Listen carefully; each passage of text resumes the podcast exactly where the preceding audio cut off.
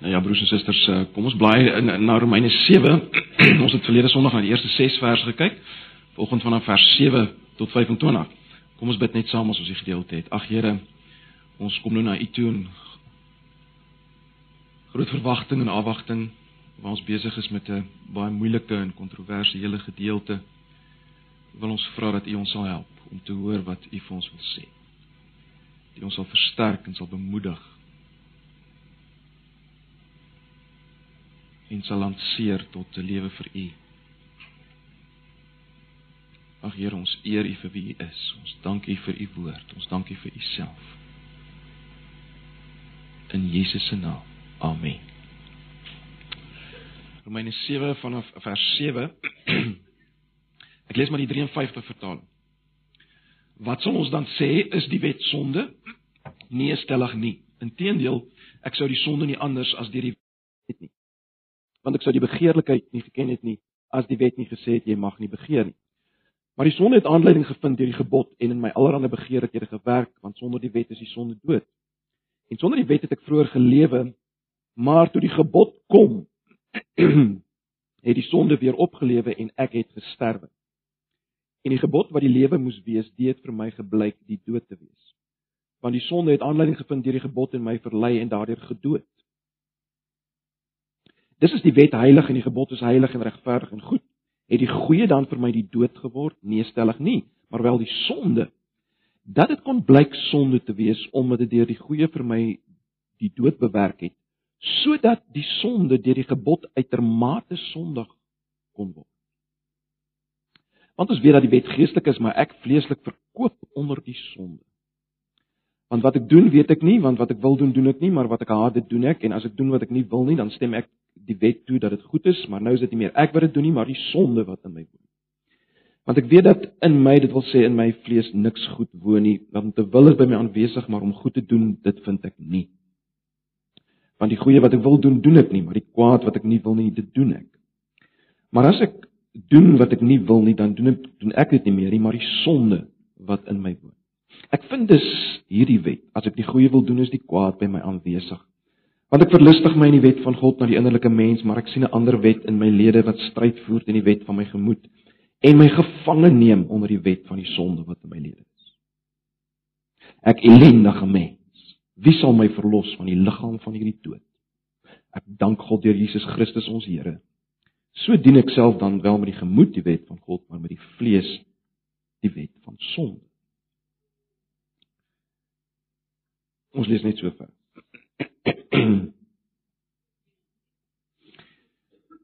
Ek lees die ander dag van 'n eienaar van 'n huis wat besluit het uh, hy wil sy alarmstelsel bietjie opgradeer uh, as gevolg van die baie inbrake in die omgewing en uh, hy die sekuriteitsmaatskappy gekontak om die alarm te kom insit. Hy kon self egter nie die dag daar wees nie en hy het vir sy buurman gevra om om die ouens maar rondom die huis te en in die huis rond te vat en te wys. Uh so die, die buurman het toe saam met die werkers geloop in die huis en rondom die huis. En dit het uiteindelik vir hom 'n idee gegee. Hy was self in die posisie om hierdie huis te besteel. Hy het uiteindelik uiteindelik het hy dit ook gedoen. Nou, let op uh, vir 'n oomblik. Daar was niks verkeerd met hierdie alarmstelsel nie. Om die waarheid te sê, dit was nou die die beste een wat jy kon kry. Maar hierdie alarmstelsel het die gedagte, as ek dit so kan stel, geplaas in hierdie buurman se kop en hom uiteindelik in staat gestel om dit uit te voer. Nou, dis nou maar net 'n voorbeeld en julle sal weet 'n voorbeeld is baie beperk. Ehm uh, hy kan nooit al die pad gaan as ek dit so kan stel nie. Maar ek dink hierdie voorbeeld gee iets weer van die uh sentrale punt in Paulus argument in hierdie gedeelte of 'n gedeelte ten minste daarvan in die gedeelte waarvan ons gelees het. Ek wil net vinnig hê ons moet net terugdink aan wat ons gesien het in die eerste 6 verse van Romeine 7, want dit is baie belangrik. En ek dink as mens dit vergeet, kan mens baie maklik uh verkeerd gaan in Romeine 7. Nou ons het verlede Sondag gekyk na die eerste 6 verse en ons het gesien dat Paulus wys dat die die wet van Moses, die wet met al die stipulasies, ingesluit uit die 10 gebooie, die hele wet, uh kan nie en het nie het nie vir Israel gebind aan God sodat sy kon vrug dra vir God nie. Kan nie 'n mens bind aan God sodat jy kan vrug dra vir God nie.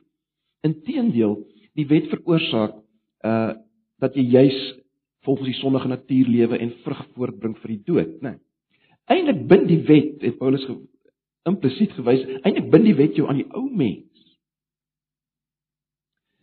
Jy staan eintlik in 'n huwelik met Adam. Maar die punt wat Paulus gemaak het in die eerste 6 verse van hoofstuk 7, en dit is baie belangrik as ons verder gaan. As Christene is ons dood wat die wet betref. Hy hy maak dit baie duidelik. Ons is so dood vir die wet soos 'n vrou wat getroud was met 'n eerste man en die man is nou dood en sy is nou vry om met 'n ander man te trou. Paulus sê ons is wat die wet betref is ons in daai posisie en nou kan ons as Christene in 'n huwelik tree met Jesus Christus en vrug bring vir voordra vir God. En hy sê ons lewe nou nie meer onder die soos hy dit noem, die letter van die wet nie, maar die gees. Dis wat hy gesê het in die eerste 6 verse van Romeine 7. Ons moet dit nie vergeet nie. En dit los natuurlik vir 'n mens en verseker Paulus se eerste lesers met die vraag: "Maar is die wet dan sleg? Was dit 'n nuttelose oefening van God se kant om die wet te gee?" Was dit 'n nuttelose oefening? En dis wat Paulus nou kom doen in hierdie volgende verse. Vanaf vers 7 tot 25. Paulus kom wys waarvoor is die wet gegee. En dis baie belangrik broers en susters. Paulus gaan nie so seer 'n beskrywing gee van die Christelike lewe nie. En ek weet as ek dit sê, kom ek in stryd met baie van julle se interpretasies van Romeine 7 en selfs met die Bybelstudieboek se interpretasie Maar ek vra dat ons dat julle vir 'n oomblik uh julle self sal oopstel en en en en en luister uh hoe hoe ek dit gaan hanteer. Maar ek ek is redelik oortuig daarvan dat Paulus nie so seer 'n beskrywing gee in Romeine 7 vers 7 tot 25 van die Christelike lewe nie. Hy kom wys waarvoor is die wet gegee? Hoe die wet op 'n vreemde manier tog doen wat God wou, op 'n vreemde manier En uiteindelik as hy oorgaan na hoofstuk 8, soos eintlik hoofstuk 7 vloei voort in hoofstuk 8, jy moet amper die twee saam sien tot 'n sekere sin. So hy gaan wys dat die dat die wet op 'n nuwe manier vervul is in die werk van Jesus en die Gees. En terselfdertyd gaan hy wys dat die wet nooit die lewe kon gee wat die wet beloof het om te gee nie. So hy gaan wys waarvoor is die wet gegee? dat die wet op 'n vreemde manier tog doen wat God wou gehad het.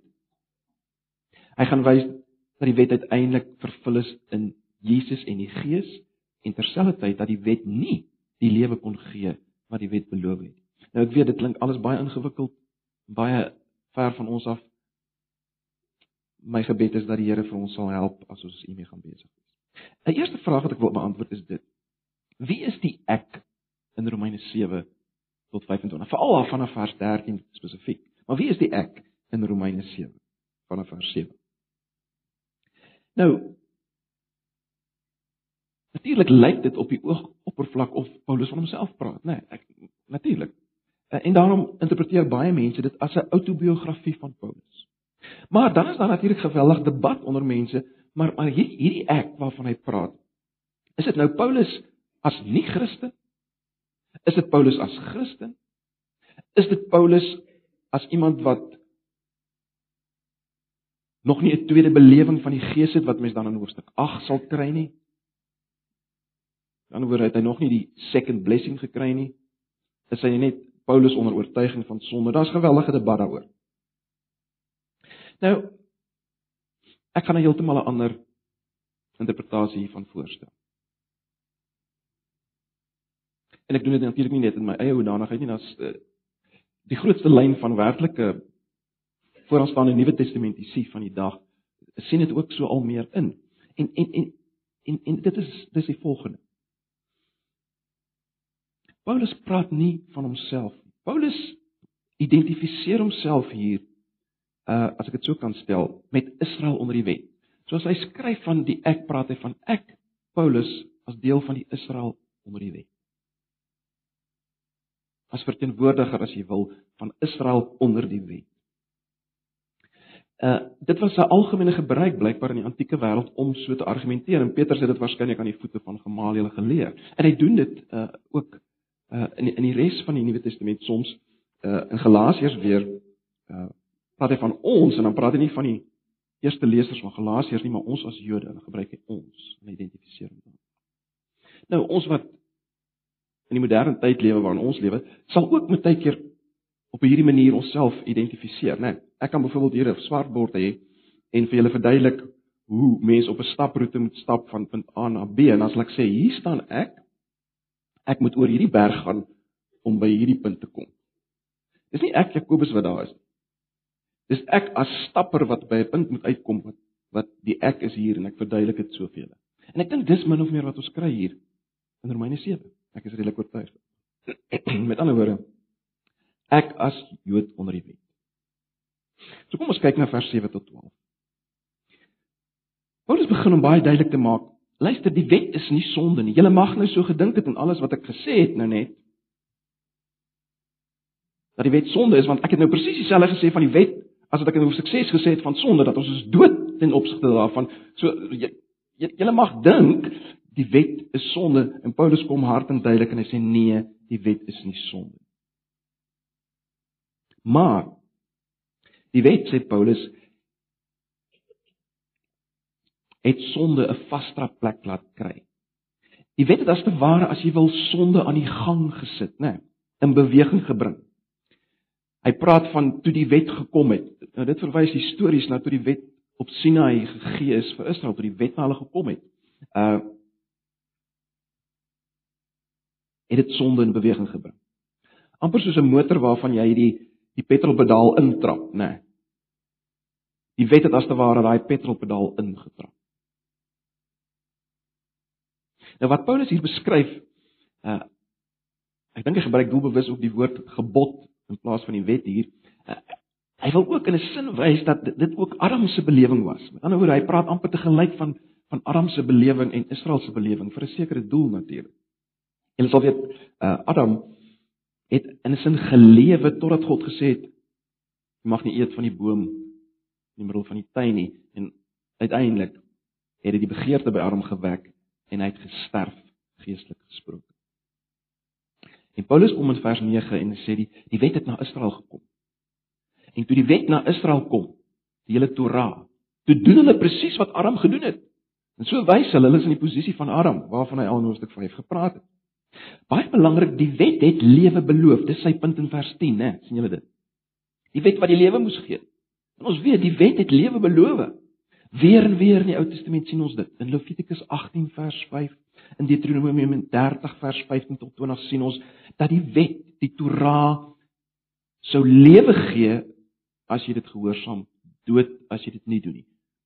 Moses sê eksplisiet in vers 19 van Deuteronomium 30: Ek hou vandag aan julle voor die lewe en die dood. Kies dan die lewe. Daar's natuurlik geweldige parallelle tussen Israel en Adam en Eva, né? Nee, ons weet dit. Adam en Eva is in die tuin geplaas en 'n gebod gegee. As hulle gehoorsaam was, sou daar lewe wees. Ongehoorsaamheid sou 'n uitdryf uit die tuin wees en dood. Vir Israel, Israel was in die land, hulle is die land gegee. Gehoorsaamheid aan die Torah, die wet sou lewe in die land veroorsaak. Ongehoorsaamheid sou ballingskap, straf en ballingskap, verwydering uit die land wees. As gewellige parallelle tussen die twee. Maar baie belangrik, jy sien, wat ons moet raak sien, die fout was nie die gebod in die tuin nie en die fout was ook nie die Torah, die wet wat vir Israel gegee is op op Sinai nie. Dit was die resultate van sonde. Sonde het by beide geleenthede by, by beide geleenthede as te ware die kans met beide hande aangegryp. Dink weer aan my voorbeeld van die buurman, né? Soos die buurman in my inleiding nie aan inbraak eers sou gedink het uh as hy nie die alarmstelsel gesien het. Net so het Israel die krag van begeerte ontdek. Vers 7 en 8. Vers 7 en 8. Israel het die krag van begeerte ontdek juis hulle daarin gewaarsku is. toe wek dit daai begeerte. Julle sal weet ek het al die voorbeeld gebruik van die koekieblik, né? As jy vir kinders sê, julle mag nie hierdie koekies eet nie. Dis dan jy. Maar begeerte opstaan om dit te eet. En iets daarvan het gebeur met Israel. Kyk, daar was 'n tyd toe die wet in daardie sin nog nie gekom het nie. Paulus verwys daarna in Romeine 5 vers 13 en 14, die wet, die Torah het gekom op 'n sekere punt na Israel toe. En die oomblik toe dit gebeur, toe wys dit Israel se sonde vir wat dit is. Hoe sterk die wet ook al lewe beloof het, die krag, die mag van sonde het veroorsaak dat dit dood bring. En dis die hele punt van Romeine 7 vers 8 tot 11.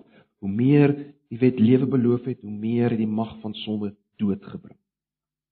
Maar die punt is vers 12 Die wet is heilig en sy voorskrifte is heilig en reg en goed. Daar's niks met die wet verkeerd nie, net soos daar niks met die alarmstelsel verkeerd is. Daar was niks met die wet verkeerd. So dis die konklusie in vers 12. Kom ons kyk nou na vers 13 tot 20. Nou baie belangrik. In die lig van wat ek net nou aan die begin gesê het, mense is geneig om vers 13 tot 20 te sien as 'n beskrywing van die Christelike lewe nie. Dan oor die stryd van 'n Christen. Maar kom ek herinner julle net aan wat gesê is in hoofstuk 6 en wat ons ook in hoofstuk 8 sien. Kyk net vandag na die volgende kontraste. En let wel, beide word op dieselfde manier geskryf as 'n feit, 'n verlede tyd feit.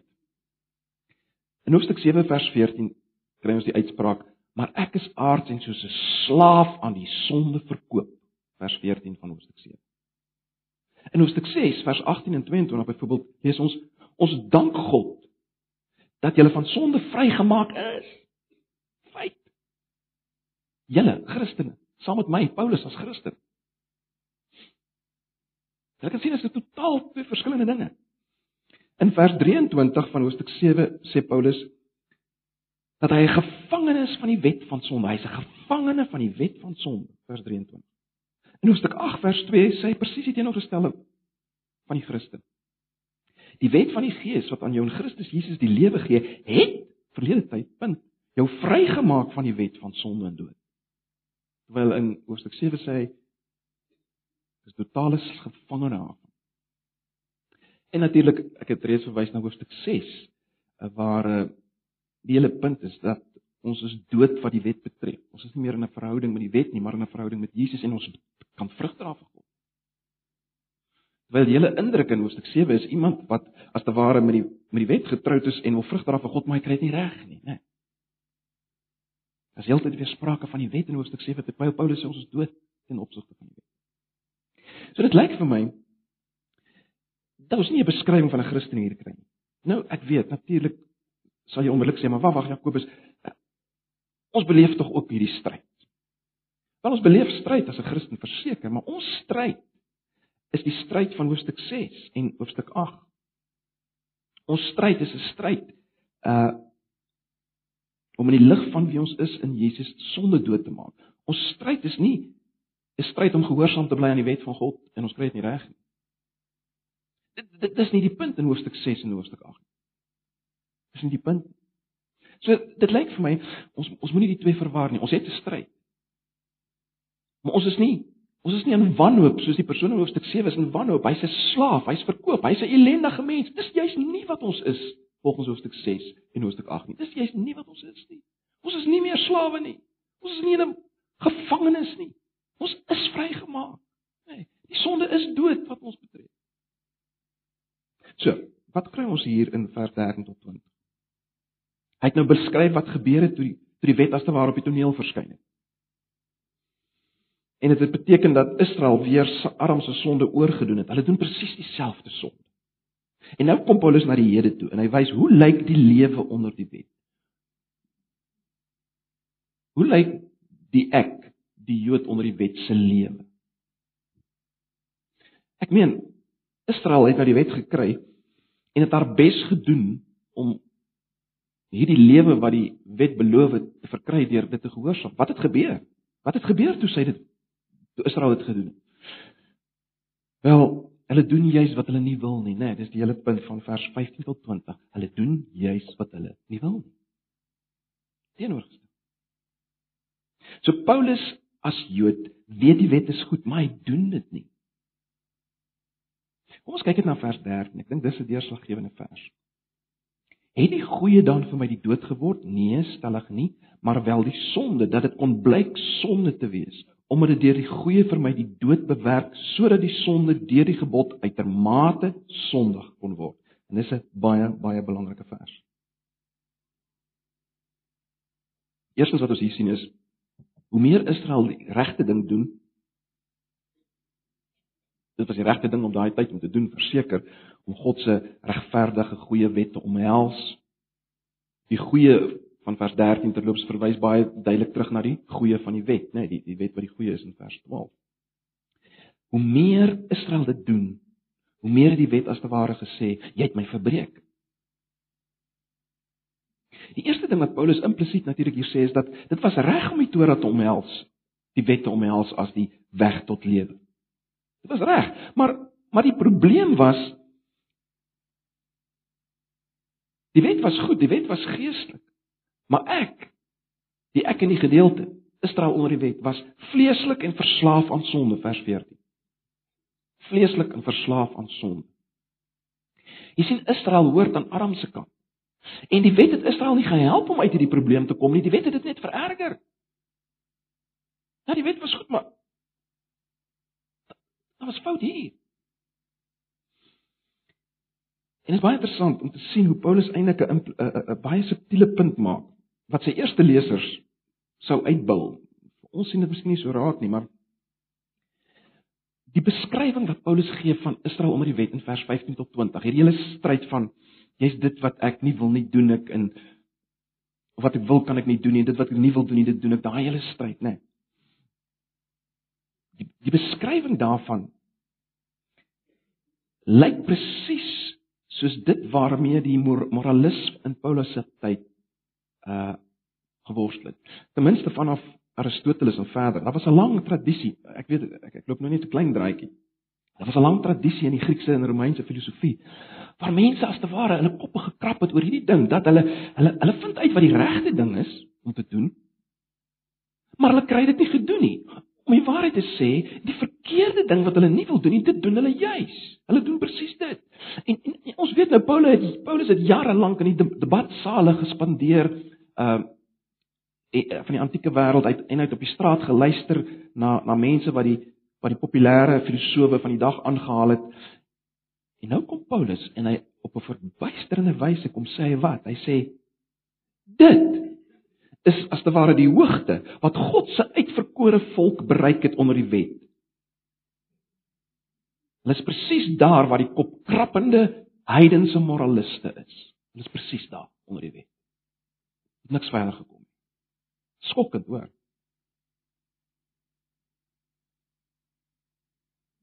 Nou Paulus gaan in vers 21 tot 25 'n konklusie gee vir sy argument, maar kom ons kyk net vir 'n oomblik, wat doen hy? Waar waar het ons op pad? Hy het nou al gewys dis nie die wet wat die skuld moet kry vir die katastrofe van Israel se posisie dat hulle net so lyk soos die heidense moraliste van die dag nie. Dis nie dis nie die wet wat die skuld moet kry nie. Hy het selfs gewys dis nie so seer die ek Israel onder die wet wat die skuld moet kry nie. Die werklike pro probleem was wat? Sonde. Vers 17 vers 20. Sonde was die probleem. Nou wil ek eers moet weer kyk na vers 13. In vers 13 het Paulus laat deurskemer wat gebeur met sonde. Ons het gesien Paulus sê dat wat verantwoordelik was vir die bring van die dood vir die ek was sonde. Maar let nou verder op wat sê hy. Ek lees eers die 83 en dan die 53. Hy sê vers 13b. Vers 13b. Sodat die sonde in sy ware aard as sonde bekend sou word en dit deur die gebod sou blyk hoe skrikwekkend die sonde werklik is. Die 53 vertaling wat ek gelees het sê sodat die sonde deur die gebod uitermate sondig kon word.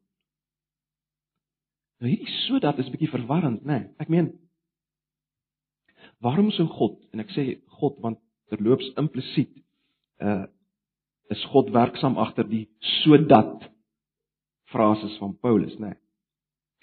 Waarom sou God sonde as te ware tot sy volle groot grootte laat groei? Waarom sou God sonde tot sy volle grootte laat groei? En nou dink 'n mens onmiddellik aan terug aan Romeine 5 vers 20 waar mens dieselfde ding kry, maar die wet het daar bygekom sodat die misdaad meer sou word. Sê Galasiërs ag uh, sê Romeine 5 vers 20. Die wet het bygekom sodat die sonde meer sou word. En Galasiërs 3 vers 22 sê maar die skrif wat terloops daar maar net die wet beteken, die skrif het alles ingesluit onder die sonde sodat die belofte uit die geloof in Jesus aan die gelowiges gegee kan word. Wat was God besig om te doen? Wat was God besig om te doen? God gee nie net, God gee nie net die wet wetende dat dit sonde sou laat vermeerder nie. Let wel. God gee nie net die wet wetende dat dit sonde sou laat vermeerder, sonde sou laat groei nie. God doen dit doelbewus sodat sonde meer sou word. Hy doen dit doelbewus sodat sonde meer sou word. En nou wil ek hê ons moet net vir 'n oomblik vooruitloop na Romeine 8 vers 3. Uh as ons as ons ten diepste wil sien Wat is die relevantie van hierdie hoofstuk vir ons? Wat met ander woorde duidelik word is dit. Luister mooi. God wou gehad het dat sonde as te ware tot sy volle grootte groei sodat hy daarmee kon handel, dit kon verdoem, dit kon straf vir eens en vir altyd. En nou is die die die vreemde is dit Waar moes sonde groei tot hierdie hoogte? Wel, in Israel. Paradoksaal is dit nie? In Israel, die volk van God, God se mense, uit alle mense op aarde, die wat hy gekies het as lig vir die wêreld. Sonde moes daar groei tot sy volle grootte. Hoekom? Hoekom moes sonde daar groei tot sy volle grootte? Sodat hy hy dis dis nou God, sodat God in die persoon van die verteenwoordiger van Israel, Jesus, die Messias. As te ware onder daai sonde kon kom, sonde as te ware op 'n punt kon trek in hom, op hom laai en hy daarmee kon handel. Vir eens en vir altyd dit kon verdoem, kon vernietig in Jesus, die ware Israel, né? Dit het al baie daaroor gepraat. Broers en susters, ek hoop julle sien wat ek probeer sê is dit wat in Romeine 7 op die oppervlak lyk soos 'n gekarring met 'n persoonlike verslag van morele onvermoë. As ek dit so kan stel met alle respek. Dit wat op die oppervlak so lyk, is iets soveel meer wat die pad voorberei vir stelling omtrent die kruis wat kragtiger is as enige iets wat ooit geskryf is uiteindelik in Romeine 8 vers 3. Romeine 7 berei die pad daarvoor voor. Dit bring ons by die vers 21 tot 25.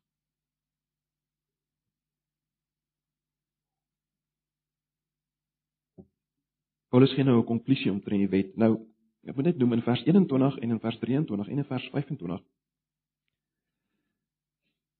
gebruik Paulus ook die woord wet nomos en en baie ouens dink wel hy praat nog steeds hier van die van die wet van Moses en en, en mense sou dit so kon interpreteer maar dan lyk dit asof die wet amper 'n 'n vreemde duplikaat van homself gemaak het en ek wil nie daai pad gaan nie. Kom ons verstaan dit. Ek ek dink mense kan dit verstaan as as as Paulus hier praat van van hierdie ander wet wat stryd voer teen God se wet, dat dit 'n iets is soos 'n beginsel, né? Anders sou hy dit nie as 'n ander wet genoem het. Hy sê spesifiek dis 'n ander wet wat hy vind wat stryd voer. So ons kan sê wet beteken hier 'n beginsel. En Paulus sê daar's 'n stryd Die persoon die ek Israel onder God se wet. Daar's 'n stryd in hierdie mens tussen die wet van God en 'n ander wet. In vers 21 sê hy maak hy baie interessante stelling. Hy sê ek wil doen wat reg is, maar die kwaad staan my altyd by. Dis die 53 vertaling en baie interessant. Dis presies die taal wat Kain natuurlik gebruik as mens nou gaan kyk na Genesis 4 vers 7. En dit mag dit mag wees. Ek sê nie dit is so nie. Dit mag wees dat Paulus amper wil sê dat kyk, net soos julle armse sonde uitleef Israel, So het julle presies dieselfde morele onvermoë as Kain. Maar goed, hoe dit ook al sê. Die punt is die ek is reg om vreugde te vind in God se wet. Dis nie verkeerd nie, dis reg. Stel jou vir jouself vir 'n oomblik Paulus as jong man voor. Hy bid Psalm 19 en Psalm 119. Hy studeer die Torah, bid in dag en nag as jong man. En dis reg. Dit was wat hy bedoel was om te doen. Maar hoe nader hy as te ware aan hierdie wet gekom het, hoe meer het die wet gesê jy's jy eintlik nog steeds net 'n sondaar. Om die waarheid te sê, die wet het hom aangekla en versoek, soos ons al in vers 8 en 10 gesien het. En hom al meer laat sondig. Dit het hom al meer laat sondig. Hoe meer hy nader gekom het aan hierdie wet as jong man. Maar wat ons moet raak sien, met ander woorde, hier's nie net 'n stryd tussen hierdie twee wette as te ware nie. Onthou dis dis die wet van God wat die stryd aan die gang gesit deur God se toe deur God se toedoen. Die wet wat wat veroorsaak dat sonde veg teen wat hy wil, naamlik die gehoorsaamheid van God se wet. Dis alles deur God aan die gang gesit deur die gee van die wet. En en is vreemd om so te praat oor God se wet, maar dis die hele punt in Romeine. In vers 23 gaan Paulus so ver om te sê dat hy hy's 'n krygsgevangene van hierdie ander wet. Was nie net 'n stryd nie, hy's 'n gevangene. Oef, van hierdie ander wet. Sodat 'n geveg plaasgevind. Aan die een kant was daar die die denke van die getroue Israeliet wat betrokke is aan die kant van God se wet uh, of wat dit wou nakom. Dis die een kant. Aan die ander kant sonde wat kragtig in sy liggaam gewerk het deur die Adam natuur wat Israel gedeel het met ander mense. Wie het gewen? Sonde het gewen. Die Adam kant het gewen. Dis die toestand van die Israeliete onder die wet. Die Adam kant wen. En in broers en susters, dis dit. Ja, dis nie waar van 'n Christen nie, né? Nee. Jy sien, Israel is as te ware geroep om vas te hou aan hierdie spanning tussen aan die een kant moes hulle die lig vir die wêreld wees, maar aan die ander kant is hulle deurweek van sonde. 'n Spanning wat Paulus ook aan aanraak in hoofstuk 9. En dis waar Paulus se siening van Jesus so radikaal belangrik is. In vers 24 sê hy: "Wie gaan my verlos van hierdie doodsbestaan?" En dan sê hy: "God gaan dit doen deur Jesus." En dis die groot punt wat hy dan gaan uitbou in Romeine 8. As te ware spring hy hier in as gelowige vir 'n oomblik en hy sê dank God dat hy dit gaan doen in Jesus. Goed, kom ons bring alles bietjie nader aan onsself. Miskien sê jy op hierdie punt, Jakobus As jy Romeine 7 so interpreteer, dan sê dit niks vir ons nie. Wat op aarde het met ons te doen? Ons is nie Jode nie. Ons ons ons lewe nie onder die Torah nie. Nou as ons so redeneer, dan vergeet ons wie is ons. Paulus maak dit oor en oor duidelik, julle is kinders van Abraham. Dis ons geskiedenis. Dis my en jou geskiedenis as Christen. Dis deel van ons agtergrond. Ons is deel van hierdie groot verhaal. Ons moet weet waar pas ons in in die verhaal. Ons kan nie weer teruggaan na waar die verhaal was onder die Torah, die wet van Moses. Ons is verder. Dis uiters belangrik. Dis belangrik broers en susters dat ons dat ons sal weet dat toe God die Torah gegee het vir Israel, was dit nie 'n soort van 'n eerste poging uh om mense die algemene beginsels van moraliteit te leer, so 'n paar grondbeginsels sodat hulle nou verder op hulle eie kon regkom uh, uh of of aan die gang kon kom en uiteindelik gee God iets beter in die bergrede nie. Ons moet dit nie so sien. Luister mooi, die gee van die Torah, die gee van die wet op Sinai was baie meer subtiel en baie meer verrykend. Toe God die Torah gee, was die doel daarmee Laat ek dit so sê, hy gee dit, God gee die Torah vir die doel om Israel se doel te bevorder. Hy gee dit sodat die doel waarvoor hy Israel geroep het bevorder sal word. En baie belangrik, hierdie doel van God, die doel waarom hy Israel geroep het, was nie om vir die wêreld 'n beter moraliteit te leer. Dis nie waarom hy Israel aanvanklik geroep het om vir die wêreld 'n beter moraliteit te leer nie. Die doel was om die wêreld te red van sonde en die.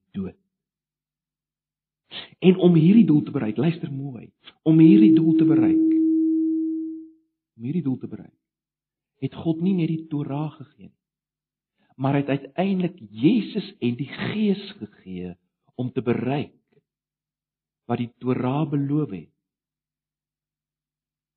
Die lewe. En dis wat ons gaan kry in Romeine 8. Die lewe. En daarom is dit uiters relevant vir ons. Om te weet waar kom ons vandaan? sien wat God gedoen het.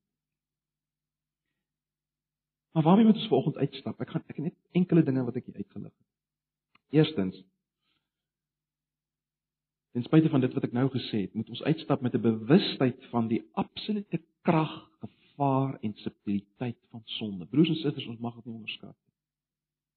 Sonde is nie ons kan nie uitdruk in jou speel maak. Sonde gebruik juist die goeie om sy dodelike werk te doen en dit is steeds die karakter van sonde. Sonde maak dood. En let wel, jy kan sonde nie keer nie. Sonde kon nie eers gekeer word deur God se wet die Torah nie. Hoeveel te meer kan jy sonde keer deur al jou wette en regulasies? Sonde kan nie gekeer word nie. Hoe meer jy het jou eie uit sonde gaan probeer keer in jou lewe deur reëls en stipulasies en regulasies, hoe meer gaan sonde aan die gang kom. Soos daai petrolpedaal wat jy intrap. En hoe meer gaan sonde jou doodmaak. Hoor julle dit? Moenie dink jy gaan sonde keer en oorwin as jy vir jou kinders allerlei wette en stipulasies leer nie. Dit mag lyk of dit werk vir 'n ruk. Maar sonde gaan uiteindelik wen. Jou kind moet aan Christus gebind word. Baie baie belangrik. Jou kind moet aan Christus gebind word. Maar goed. Net dit. Bewustheid van die krag, die gevaar en subtiliteit van sonde. Tweedens besef as Christen hierdie lewe wat beskryf word in vers 13 tot 20 is nie die Christen se lewe.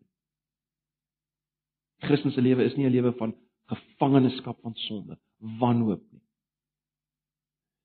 Daar is 'n stryd, maar dit is 'n stryd deur die Gees, met die krag van die Gees waarby ons gaan kom om te leef in die lig van wie ek is al meer en meer.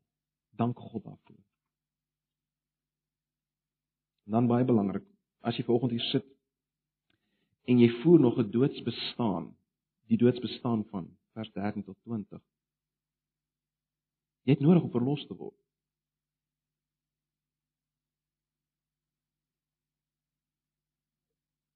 En dank die Here vir sy werk in jou lewe alreeds om dit vir jou te wys. Bewys daar's iets, daar's iets fout. Jy's 'n gevangene van die wet van sonde en die dood in jou lewe. Jy's 'n gevangene daarvan. Jy moet bevry word. Jy moet by Jesus uitkom. Ag, mag die Here dit uh, vir jou duidelik maak. Moenie vrede maak daarmee. Vierde punt net kom ons staan weer verstom oor wat God doen en gedoen het dink dis die belangrikste broers en susters. Sien weer dat God het geen behaag in sonde en die dood en die gevangenskap wat sonde bring. God het iets gedoen, hy het 'n meesterplan uitgewerk in die geskiedenis om finaal daarmee te handel met sonde en alles wat voortvloei uit sonde. Al die pyn en ellende en dood wat daaruit voortkom. God het iets gedoen in Jesus en hy handel daarmee. En dan net laastens Ag, mag Romeine 7 vir ons 'n afwagting gee vir myne af. Afwagting vir dit wat ons gaan sien. Dit wat God doen uiteindelik in Jesus. Om die doel te bereik waarvoor die wet aanvanklik gegee is. Kom ons sit net so dan bid ons saam voordat ons uh, die nagmaal gaan saam gebruik. Ag Here, ons dankie vir u woord. Is 'n moeilike gedeelte. Maar ons dankie vir u woord. Ons dankie weer eens dat ons kan raak sien wie U is. Dit wat U vir ons doen in Jesus. Eer U daarvoor. Nou wil ons vra Here dat U ons geloof sal versterk, juis in hierdie Jesus, deur die tekens wat ons gaan gebruik. Doen dit, Here. U ken ons swakheid. Asseblief, versterk ons. Maak ons bewus deur dit wat ons dan kan gebruik van die waarhede wat ons nou reeds gesien het. Omtrent onsself. Asseblief, ons vra dit in Jesus se naam.